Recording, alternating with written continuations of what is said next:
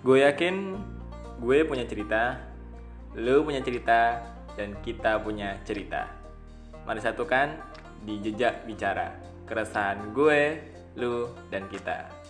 Jangan lupa bahagia, jangan lupa bersyukur.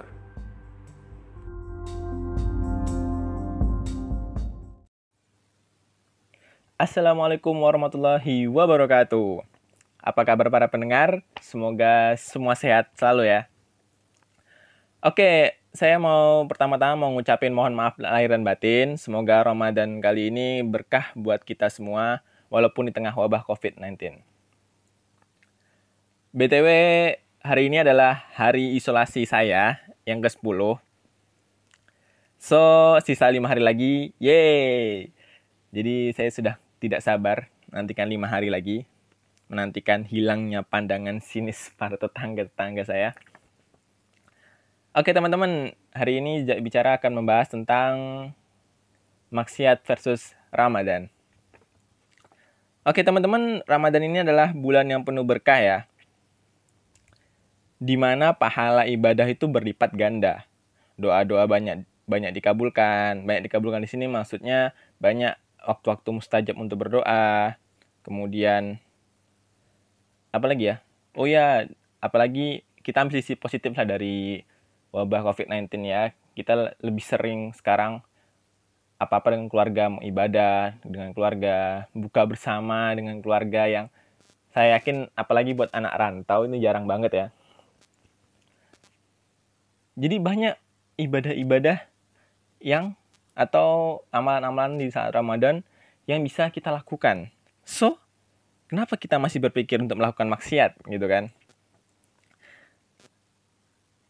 Ya, tapi namanya manusia lah. Kita kan bukan nabi ya. Kita kan masih manusia biasa. Kadang iman naik, kadang iman turun. Ya termasuk juga saya.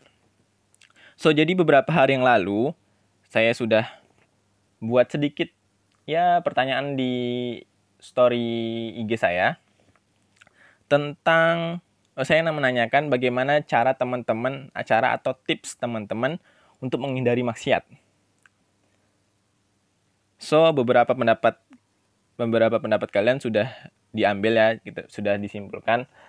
Ya nggak semua kita ambil ya, sekali lagi maaf teman-teman yang pendapatnya belum diambil karena beberapa pendapat ini sudah mewakili pendapat-pendapat teman-teman yang lain atau tips-tips teman yang lain.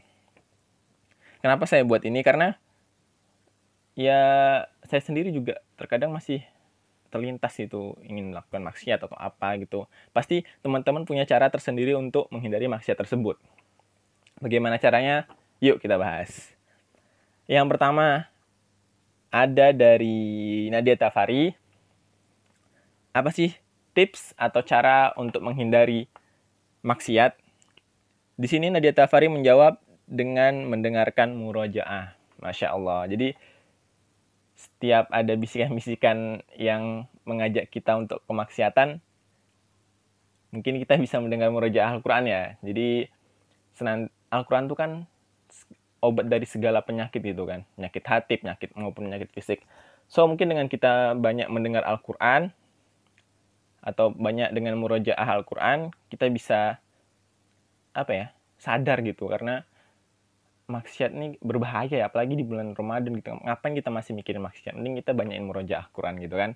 Dapat di, di samping dapat banyak pahala juga kita bisa menambah hafalan-hafalan kita gitu Oke terima kasih dari Nadia Tafari kemudian kedua ada dari Jihan apa sih yang apa sih cara lu untuk menghindari maksiat Jihan menjawab memalingkan diri dan men, memalingkan diri dan memaksakan diri untuk melawan maksiat. Iya, ini benar sekali ya teman-teman. Karena kita bagaimanapun yang harus kita melawan maksiat itu diri kita sendiri. Karena apalagi di bulan Ramadan ini kan setan-setan dibelenggu kan ya. Jadi kalau kalian ingin membuat maksiat berarti itu dari diri kalian sendiri. So bagaimana caranya? Ya lawan. Bagaimana cara ngelawannya? Ya hanya diri kalian masing-masing lah yang tahu seperti itu. Jadi paksa ya, paksa karena semua semua mungkin yang di apa suatu hal yang dipaksakan kurang kurang bagus ya tapi untuk maksiat ini harus dipaksakan untuk ditolak atau dilawan gitu ya oke terima kasih Jian atas jawabannya kemudian ada dari Iqbal apa tips atau cara yang lu lakuin supaya menghindari maksiat? Iqbal menjawab selalu berpikir positif, jangan sendiri atau datang ke majelis ilmu. Iya, benar sekali ya teman-teman. Jadi maksiat itu kadang-kadang datang di saat kita sendiri. Ayo kita kasih contoh lah ya. Misal, misal ini maaf, maaf ya ini contoh. Saat lu sendiri mungkin lu tergoda untuk menonton film-film yang kurang bagus ditonton. Misalnya kayak film porno dan sebagainya gitu ya teman-teman. Itu saat terjadi apa? Saat lu sendiri gitu saat tidak ada orang lain. Jadi hindarilah waktu sendiri sebisa maksudnya sendiri di sini di saat lu bisa mungkin bisa ngumpul dengan teman-teman untuk pergi ke, suatu kajian ilmu lu malah memilih untuk sendiri. Nah, di situlah kesempatan setan-setan datang untuk membisiki membisiki manusia untuk berbuat maksiat jadi sering-sering berkumpul dengan orang-orang yang soleh. Kan kita juga tahu apabila kita berteman dengan tukang besi, maka kita akan kebagian percikan apinya. Namun jika kita kebagian asapnya juga ya, bau asapnya. Nah, jika kita berteman dengan penjual minyak wangi, maka kita akan paling tidak mendapatkan wanginya lah ya. Seperti itu. Oke, terima kasih dari Iqbal. Kemudian yang keempat ada dari Alvino. Bagaimana sih cara lu ngindarin maksiat. Alvino menjawab, cari kesibukan lain supaya pindah fokus. Nah, ya ini benar sekali ya teman-teman. Jadi saat lu mulai terbesit untuk melakukan suatu maksiat, coba lu alihkan ke hal-hal yang positif yang yang lu senangi juga gitu loh. Ya, mungkin uh, kita kita tidak bisa mungkir ya, mungkin maksiat maksiat yang mulai muncul tuh bisa dibilang nikmat nikmat buat kita, tapi kita, pasti ada hal-hal hal-hal positif lain yang buat lu juga enjoy gitu. Misal kayak lu suka ngebaca ya mending lu lu lu baca buku apa gitu buku yang lu suka atau lu suka gambar ya lu ngegambar. Atau lu suka malah menulis. Ya mending lu salurkan ke hal-hal positif yang bermanfaat seperti itu ya teman-teman. Oke. Terima kasih Alvino. Kemudian yang kelima ada dari Nur Indah apa sih yang lu lakuin ketika maksiat datang? Nur Indah menjawab lekas beristighfar wudhu lalu sholat sunnah dua rakaat. Iya lagi-lagi ya teman. Wudhu tuh kan bersuci ya teman-teman saat kita mulai. Oke okay. ya itu itu ada suara apa gemuruh ya teman-teman. Uh, btw di luar lagi hujan.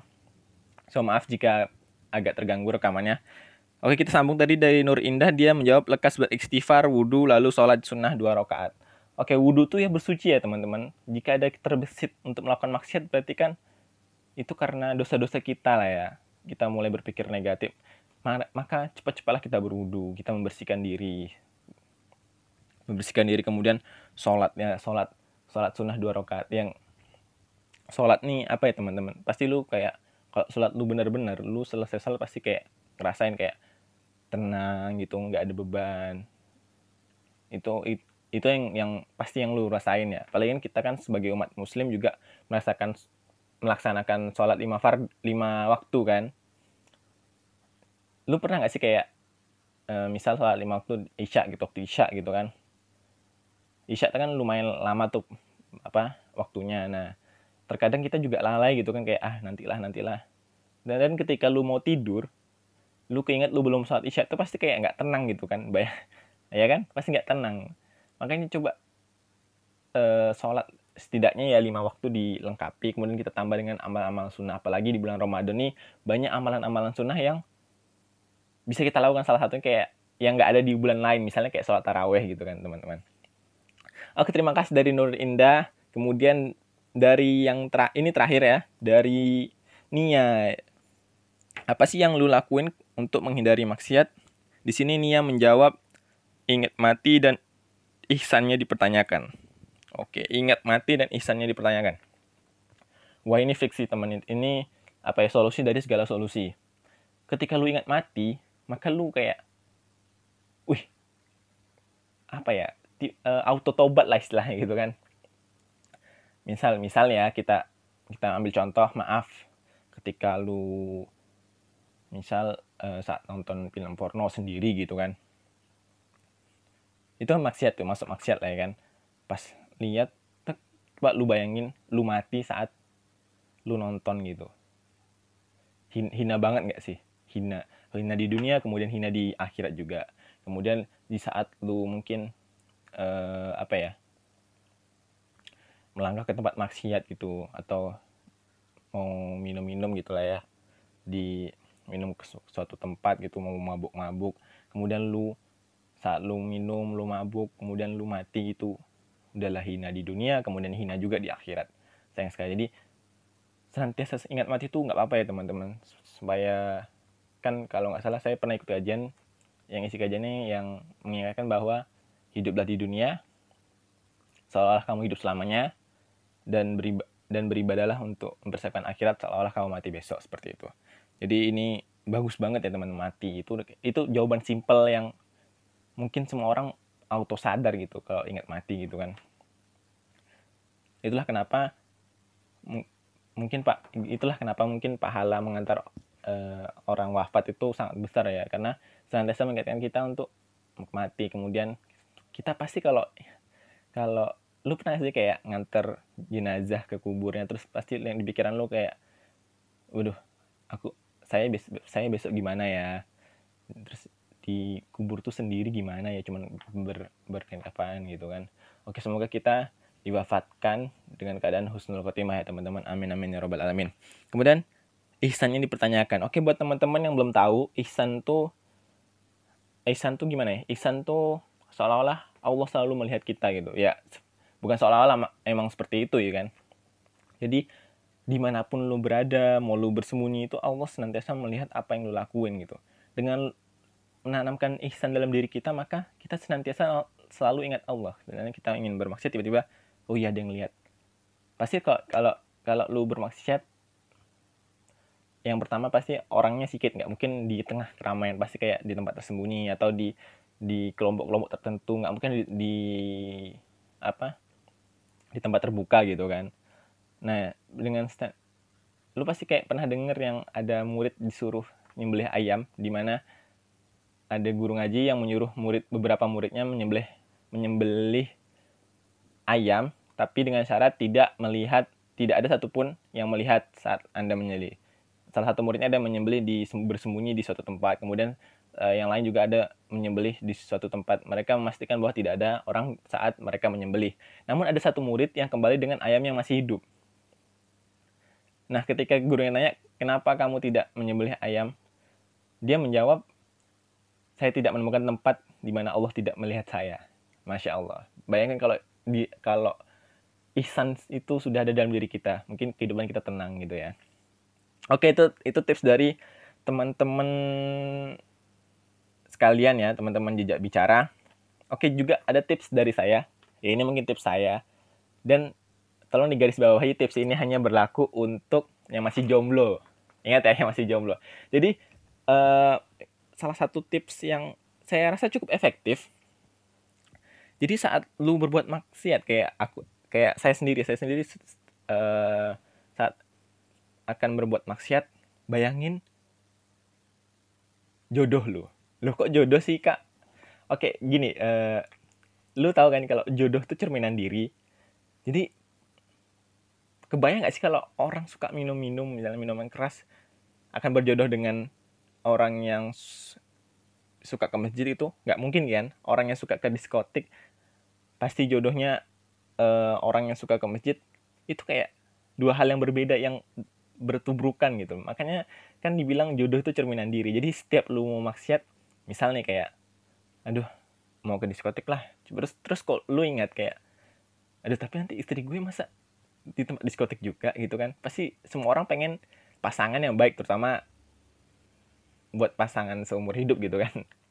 Ya itu itu tips dari saya ya yang yang ya cukup cukup menggugah hati lah gitu ya. Ini tapi ingat yang eh, bagi yang para jomblo ya yang yang belum bersuami atau yang beristri.